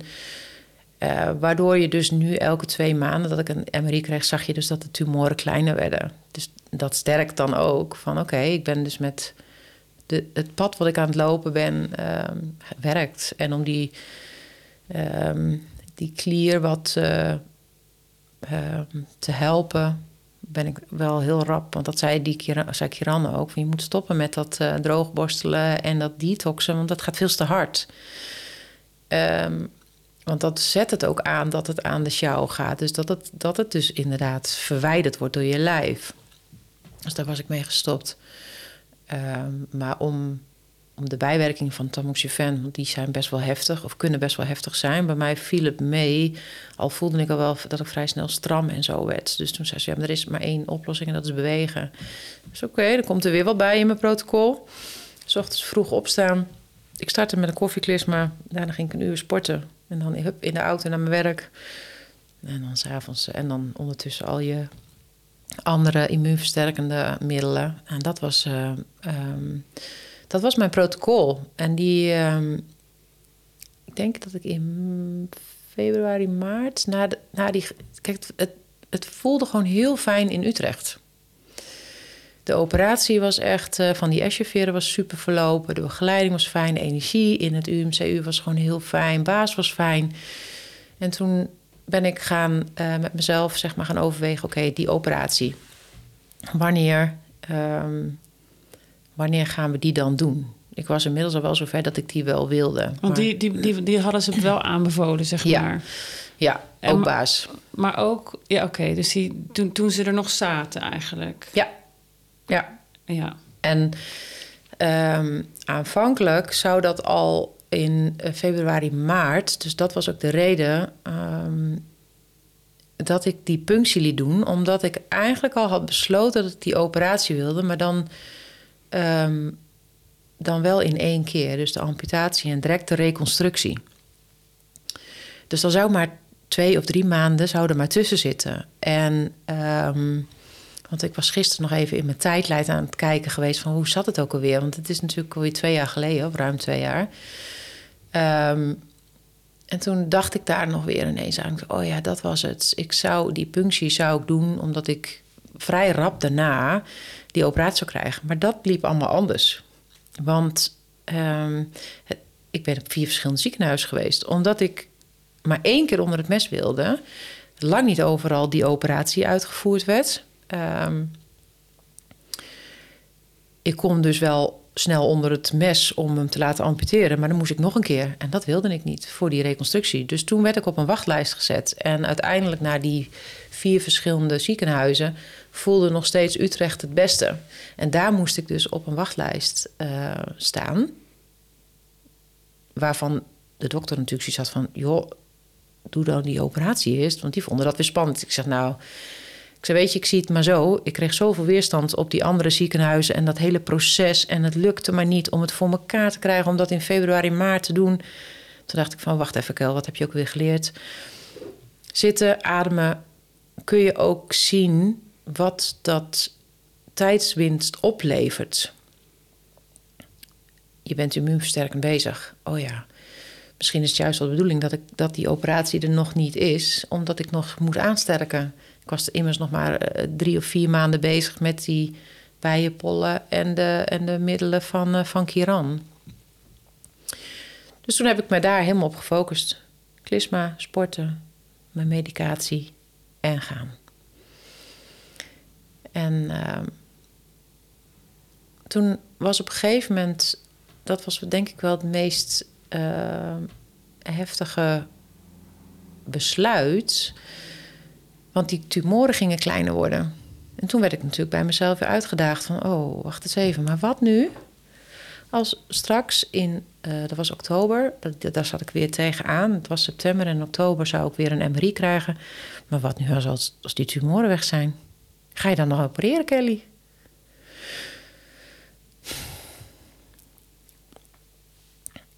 En toen was het antwoord sluitend duidelijk ja, want ik wil die buikwandcorrectie vol in my face. Echt dat ik dacht, oh shit. Ik had uh, nog een dingetje liggen op mijn buik... die uh, na twee zwangerschappen niet zo heel uh, fraai meer uitzag. En dit was het ongezouten antwoord. En inmiddels was ik wel zover dat ik dacht, ja, als dit is wat het is... dan betekent dat dus dat ik de, hoe dan ook die operatie ga doen... of dat ik in elk geval die buikwandcorrectie eens een keer moet gaan doen. Om, het maar, om, dat, om daar gehoor aan te geven. Ja, of er nog meer uh, psychotherapie tegenaan gooien dat je je lijf accepteert, had ook kunnen. Maar dat, zo werkte het niet bij mij. En uh, ik denk, nou ja, laten we dan in elk geval die MRI afwachten. En in oktober was het inderdaad. Uh, de tumoren waren weer kleiner geworden, maar het zat nog steeds wel residu. Ze konden ook inmiddels necrose zien, dus vanuit binnenuit, dat die tumorcellen aan het ja, doodgaan waren. En uh, ja, dat maakte me wel heel gelukkig, want ik, ik zag dat mijn protocol werkte. En dat het niet meer groeide, maar dat het kleiner werd. En uh, toen heb ik me vraag gesteld: oké, je wil die buikwandcorrectie, maar kun je nu ook uh, toelaten dat je geholpen wordt? Want je bent nu al uh, 2,5 jaar ehm, flink aan het bikkelen op discipline, op naar binnen gaan, op ehm, het zelf doen. Kun je je laten helpen? Dat was wel echt een. Iemand stelde mij die vraag: van kun je je laten helpen. En ik ben de sterke, doe het dan mezelf wel, type. Of was. En ehm, dan dacht ik, ja, in dit stukje kan ik me denk ik wel overgeven. Terwijl het natuurlijk wel fucking heftig was. Want mijn borst zou geamputeerd worden. En ik moest maar op de blauwe ogen van, uh, van mijn uh, plastische chirurg geloven... dat hij er weer wat moois van ging maken. En dat, uh, dat lukte. Ik kon die... ik, kon, ik kon hun wel dat vertrouwen geven... wat ik een oncoloog met zijn pillen en zijn zakken chemo niet kon geven. Plastische is natuurlijk echt kunst, pure kunst. En dat vind ik van een hartchirurg ook. En het is niet zozeer dat ik iets tegen die mensen heb, maar het is meer. De, daar kwam ik toen achter dat ik meer tegen het pillen, salfjes, dat ik daar wat, dat ik daar gewoon echt moeite mee had. Um, dus toen heb ik besloten om die operatie dus inderdaad uh, door te laten gaan. En toen, toen, toen die operatie plaatsvond, hoe was het toen zeg maar, met de tumor? Want je had er, had je er nog drie of had je er twee? Of hoe stond het daarmee? Nou, um, uh, er waren er drie. Die, in mijn oksel gebeurde niks. Er werd niet groter, er werd niet kleiner. Daar gebeurde gewoon niks mee. Dat was gewoon, dat was volgens mij echt die vierde die daar zat. Ja. En we hebben het hier over dat de grootste een centimeter was. Hè? Dus we hebben het over hele kleine ja. dingetjes. Um, die andere drie achteraf met, met het autopsierapport van de dingen bleek dat er twee waren, waarvan die ene was al een soort van afgestorven. Uh, de andere was bijna niets meer omdat het necrose was. Dus je, er zat weinig levens meer in. Dus ik had een hele borst laten amputeren. En het autopsie gaf aan dat het wel kanker was. Uh, maar dat er ook al heel veel ja, kapot was. Dus ja, is het zonde? Ik heb er nooit een moment spijt van gehad. Die, uh, die operatie uh, heeft mij heel veel moois opgeleverd. Ik zag alleen maar win-win. Ik dacht, ja, oké, wegbuik. Wat ik ook al zei, 60 uh, littekens rechtop werd er eentje overdwars. Want het is wel echt een lel van een... Uh, van een uh, maar goed, die zit onder je bikinibroekje en de borst is uh, prachtig geworden, warm, van eigen materiaal. Want er, zou echt, er komt echt nooit meer lichaamsvreemd materiaal in mijn lijf. Ik kwam niet in vragen om daar een prothese in te duwen. Na het gedoe met die escheveren ja, gaat dat niet meer gebeuren.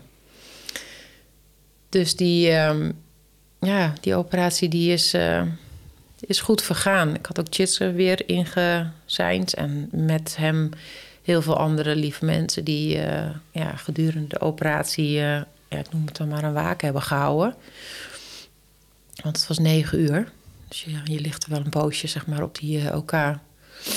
Ja, nooit een dag spijt van gehad. Ik, zo gauw het komt, liep ik alweer in de sauna. En ik heb me eigenlijk altijd heel trots gevoeld op het lijf. En ik voelde dat um, volledige toestemming, een volledige ja op de operatie. En ik denk dat dat een groot verschil is met vrouwen waarbij het overkomt. Als jij um, in het protocol meeloopt, dan worden de dingen voor jou besloten. Dan besluit je zelf niet. Maar op het moment dat je zelf besluit iets te gaan doen, dan is dat in overeenstemming met je lijf, en met alles wat daarbij komt kijken, wat we wellicht niet, of niet goed zullen kunnen onderbouwen waarom dat is. Maar het is een gevoelskwestie.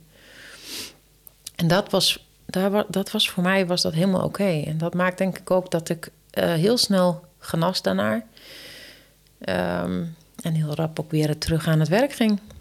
Eigenlijk veel sneller dan dat ze hadden opgegeven.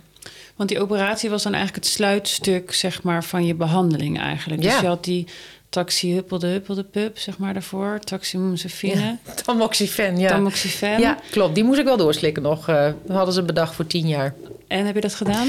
Nee, ik ben uh, vorig jaar uh, mei, eind mei ben ik gestopt. Ja.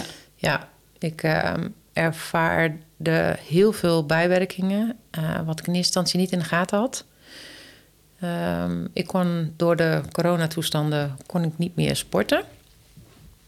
Waardoor dus die stramheid en die stijfheid ehm, ja, maximaal toesloeg in mijn lijf. En eh, achteraf gezien denk ik dat ik ook nou, niet alleen van de coronamaatregelen depressief werd, maar ook van dat middel. Ja. En dat heb ik, twee, ik heb het 2,5 jaar geslikt.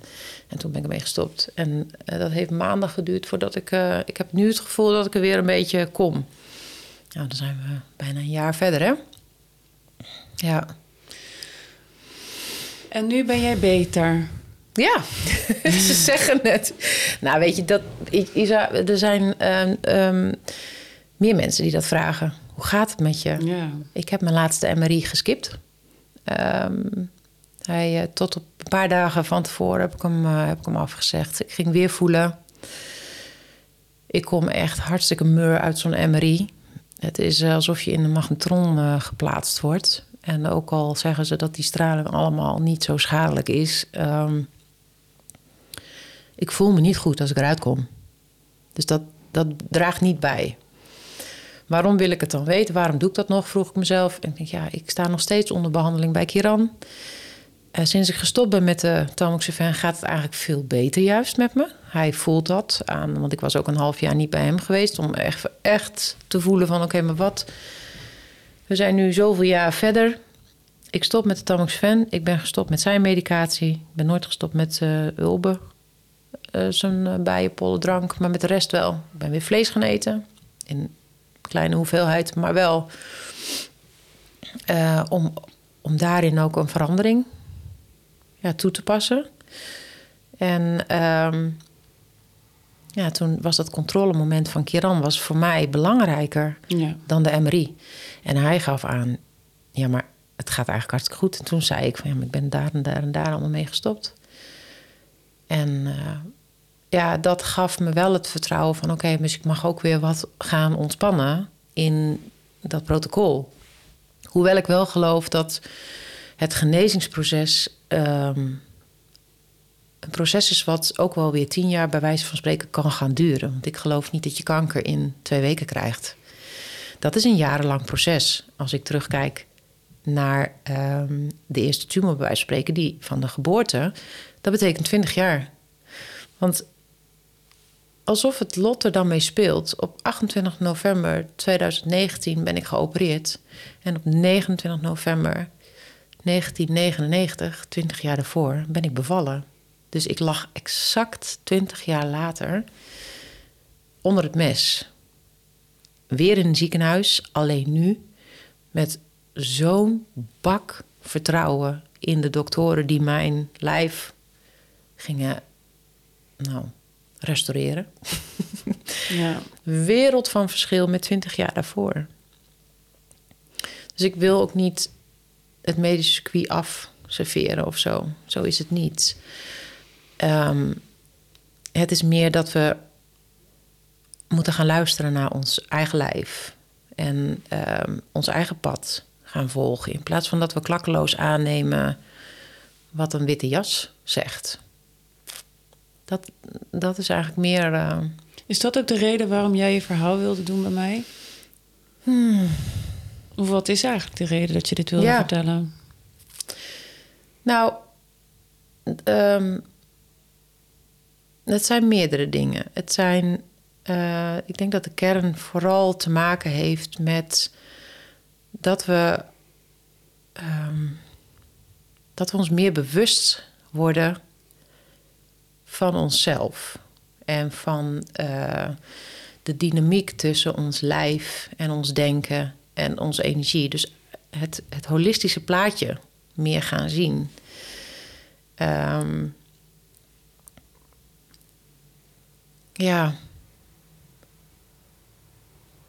Dat en ehm, het mee willen geven aan vrouwen. Kijk, het raakte mij dat jij, net als mijn dochter, aan de andere kant van de lijn heeft toegekeken hoe jouw moeder aftakelde. Kijk, mijn, mijn dochter heeft dat niet gezien. Die zegt ook: in mijn beleving ben je nooit een dag ziek geweest. Pas toen ik uit het ziekenhuis kwam. En toen ging ze heel hard voor me zorgen. Ik kan eindelijk wat doen voor mijn moeder. Ik kon niet eens rechtop staan. Ehm, dat leed wat jou en duizenden andere kinderen ehm, aan wordt gedaan.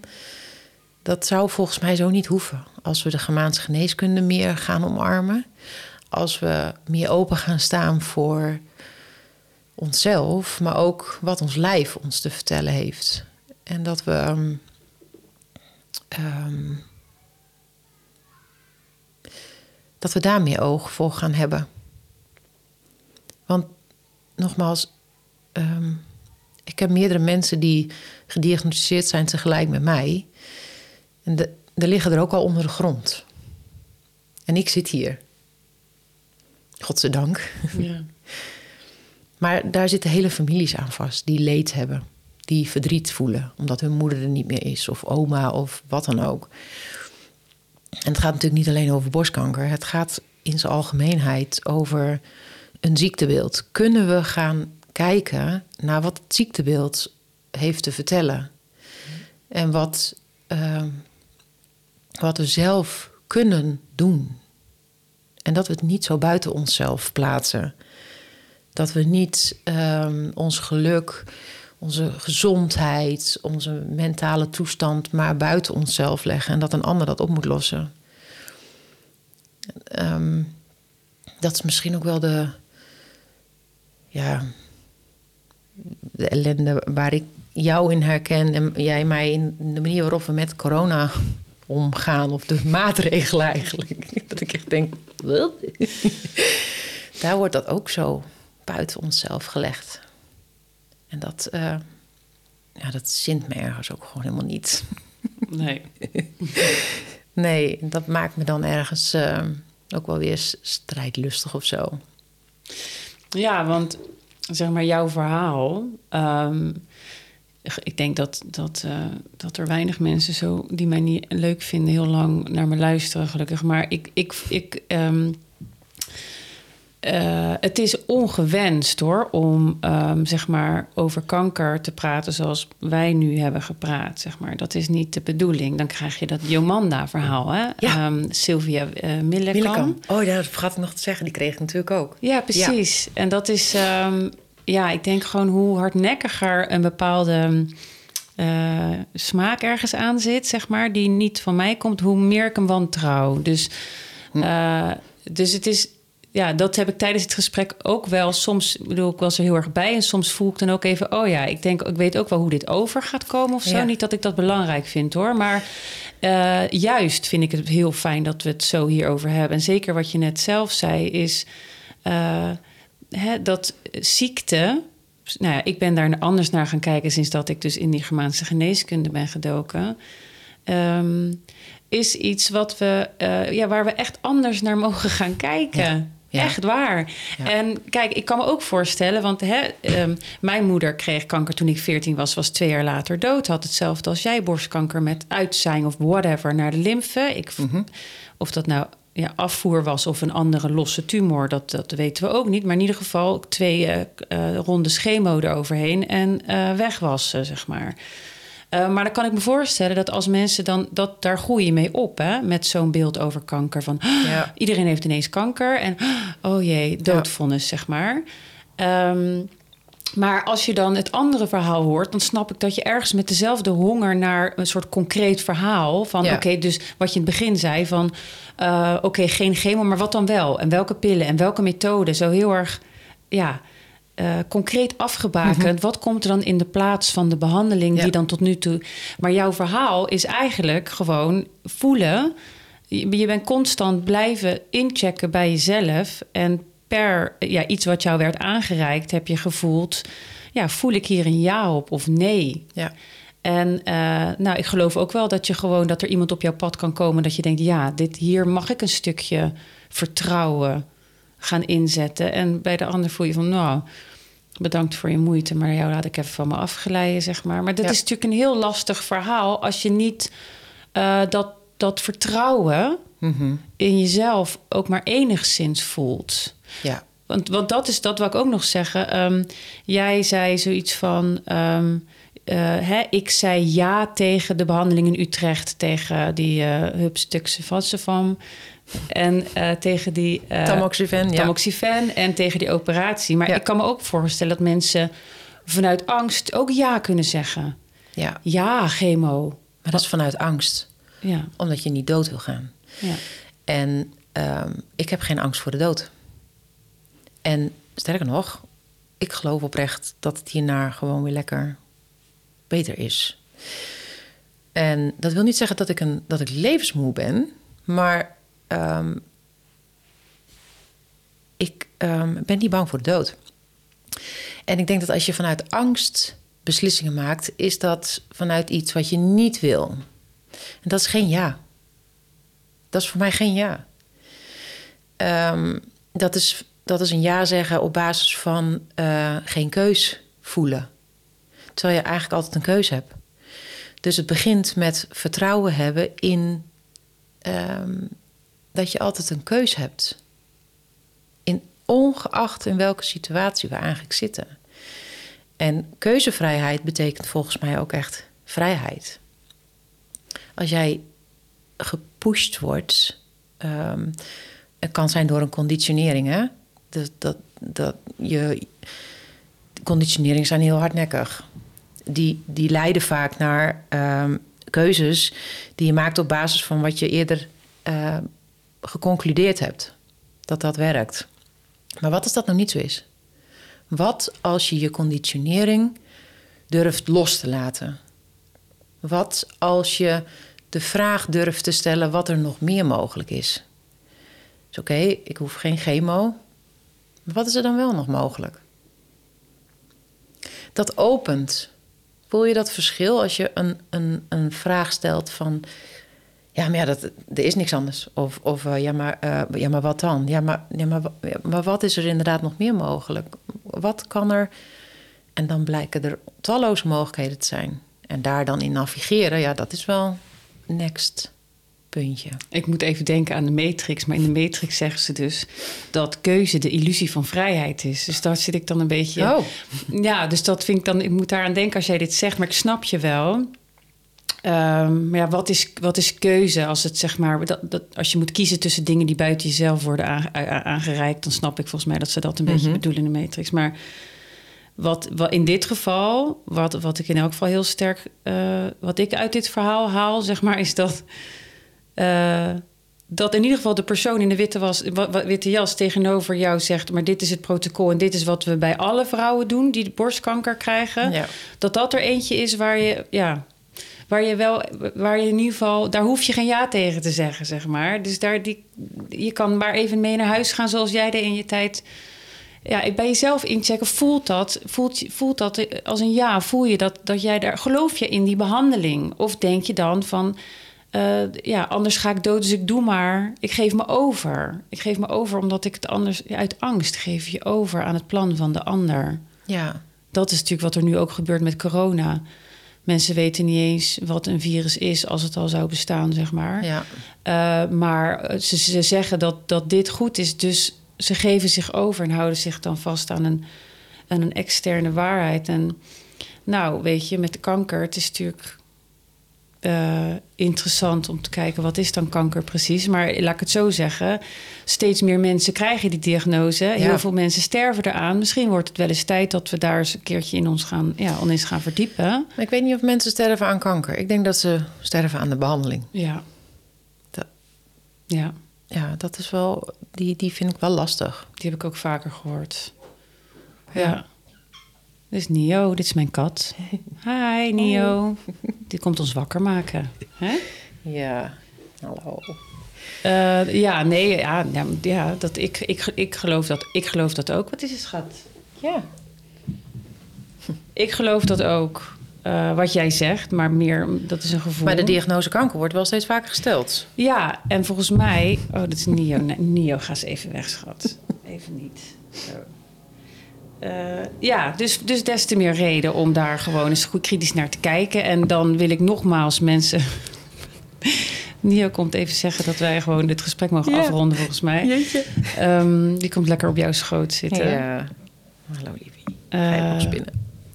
wacht, ik ga even nieuw naar buiten doen, want dit is, dit, dit, dit Kijk wordt of dan- dit lukt als Ja? ik hem wegzet. Maar Oké, nou anders Gaat ga ik zien. me naar buiten Mhm, doen. ja. Nou, ik wil toch nog een keer gezegd hebben... Ja, ik ben me in het onderwerp aan het verdiepen. Natuurlijk ook met mijn achtergrond. Ik bedoel, ik was erbij toen mijn moeder eh, thuis kwam van de chemo. Ik was erbij ook toen ze bestraald werd. Echt letterlijk bestraald werd. Dat er zo'n soort mal over haar gezicht heen werd gelegd. ja. Vastgeschroefd en dan de bestraling eroverheen. Ik was eh 16 en ik, ik mocht erbij zijn. Nou, over trauma's gesproken. Nou, Dat je zo je moeder in die overgave... Ik heb haar in de overgavestand gezien, hè. Ik heb haar gewoon gezien eigenlijk alsof ze al had, had geaccepteerd dat ze ging sterven. Maar doe maar wat je kan. mhm. Weet je, dat heb ik gezien. En eh, nou, ik, ik, eh, ik heb een hoop in, informatie gezien online over kanker, over ziekte. En ik gun iedereen om daar een keer met een frisse blik daar eens naar te kijken. En Ja. ik gun iedereen eh, de ballen die jij hebt getoond. Om nee te zeggen als je nee voelt. En om te luisteren naar je gevoel. En om de tijd te nemen om nou, te onderzoeken op jouw manier. En misschien is er geen touw aan vast te knopen voor, voor, voor andere mensen. Maar Nee. voor jou was het logisch en het was jouw pad. ja. En jij zit hier nog. Ja, en, en de mensen zeiden ook, want ik hoorde het jou ook zeggen, ehm, overgave is. eh jouw moeder heeft zich overgegeven, tenminste dat is wat je gezien hebt. Ehm, bij mij werd er gezegd, joh, je moet strijden. Terwijl ik van meet af aan zoiets heb gehad van, ja, maar ik ga toch niet strijden tegen iets wat in mijn lijf zit. Ja, dat is ook een heel andere benadering, hè? Ja, en het lijf wil mij iets vertellen. Er zit een tumor in die, ehm, die mij iets wil vertellen. Het is een symptoom van een disbalans. Laat ik naar op zoek gaan naar de disbalans in plaats van aan symptoombestrijding te doen. En dat maakt dat ik die stappen heb gezet, omdat ik naar de wortel wilde van dit symptoom. Als we op die manier naar ziektebeeld kunnen kijken, wordt het ook al een heel ander plaatje. En ik ben pas in de overgave gegaan. Dat heb ik ook heel duidelijk gevoeld op het moment dat ik ehm, de, de operatie inging. Ja. Heel sterk. En daarvoor heb ik, heb ik me ergens wel overgegeven, volgens mij aan. Ja, aan wat? Dan eigenlijk niet aan de dokter, maar aan het universum, aan het al, aan het weten, het innerlijk weten. Ja, dat wens ik de mensen wel toe. En mijn, mijn plaatje is op deze manier gelopen. Maar het is het meest persoonlijke pad wat je kunt lopen. Dus Ja. dit is niet copy-paste werk Nee. Dat de luisteraars dat ook gewoon realiseren en dat ik dat ook nooit zo zal wegzetten. Het gaat erom, ga je, ga je het leven pakken, ga je jezelf, ehm, ga je jezelf, ga je naar binnen keren, ga je jezelf, ga je zelf luisteren. Het is jouw lijf. Jouw lijf laat jou iets zien. Ga je dat nu horen of niet? Ja. Ja, en dat kan op, eh, denk ik, heel veel verschillende manieren. Ja. Misschien dat het ook allemaal met meditatie had gekunnen. ik je weet het niet. vertellen. Je kan het ook niet meten. Nee, nee. En dat is ook wel wat, eh, wat ik daarna hoorde. Ehm, ja, maar dan was jouw kanker waarschijnlijk niet zo agressief. Ehm, ja, dan zal het wel niet zoveel voorgesteld. Serious. Ja, maar we zullen het pas weten als het dan hè, over een paar jaar, als het bij jou dan terugkomt, ja, dan had je dat. Het, Ja. maakt, het maakt ook dus gewoon niet uit wat je doet en hoe het afloopt. Je doet het voor een ander toch nooit goed. Dus je moet het echt in overeenstemming met jezelf doen. Ik heb eens een boek gelezen van een vrouw die voor chemo koos. Maar met elke zak chemo die ze kreeg, had zij een mantra dat het licht en liefde was en dat het iets was wat haar heelde. Prima. Doen. Als dat is wat jou helpt, ik denk oprecht dat jouw mind ehm, dat zou kunnen omzetten. Maar dat was niet mijn weg. Nee. Maar Ja. ik vind dat ook damper, dapper. Ja, en dat is het ook. Hè. Het is ook niet dat iedereen het op hetzelfde manier zou moeten doen. Want dat is juist volgens mij waar jij, Mhm. net zoals ik, absoluut geen voorstander van bent. Maar ja, ik geloof wel dat er, een, dat er een, ergens een luikje zit met een soort van geheime informatie. En dat heet de natuur. Ja. En eh, dat deze tijd ons wel uitnodigt om eens eh, achter dat luikje te gaan kijken. En dan is eh, dit soort gesprekken eh, zijn wel, ja, is, is vind ik de manier om achter dingen te komen, om dingen ter oren te laten komen. Ja.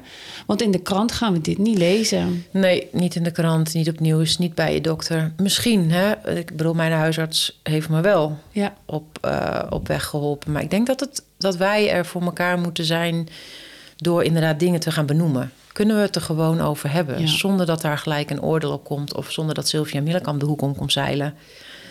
Ehm, laten we het er gewoon over hebben. Wat is er nog meer mogelijk? mooi. Oh, mooi. Nou, ik weet, je hebt het gezien. Ik moest een paar keer, heb ik onwijs mijn huilen zitten inhouden. Ja. Maar, ehm, nou, ja, nogmaals, eh, voor mij een persoonlijk gesprek. Maar ik vind, ik heb echt heel fijn naar je kunnen luisteren. Dankjewel. Eh, mooie boodschap. Maar ik krijg nu ook helemaal kippenvel. Ehm dank je wel. Ik wil je echt bedanken dat je dit zo rustig en op jouw manier ehm, hebt verteld. Jij bedankt. Ja. En eh, laten we het er gewoon over hebben. ja, Dat is hem. laten we het er gewoon over hebben. Ja, Ja, let's do it. Oké, ik ga hem afronden. Ja, dankjewel, Ehm, Lisa. Dankjewel, Kelly. Eh, lieve mensen thuis, eh, bedankt voor het luisteren. Ehm, ik denk, ik hoop dat jullie, net zoals ik, ja, zijn getriggerd, zijn geraakt om, om dingen toch eh, op een andere manier te gaan bekijken. Misschien het woord bij mij ook wel hoop en soort. Het voelt voor mij juist heel bekrachtigend om zo'n verhaal te horen. Eh, bemoedigend. Ik wil even toch verwijzen naar een website germaansgeneeskunst.nl. Daar staat heel veel informatie op. Zoek het lekker zelf uit, zeg maar. Eh, resoneert het ja of nee, zoals Duitse altijd zegt. Ehm, wil je op de hoogte blijven van een eventuele volgende uitzending? Schrijf je dan in op mijn nieuwsbrief. Dat kan je doen op mijn website www.isakrins.nl. Lieve mensen, bedankt en tot de volgende keer.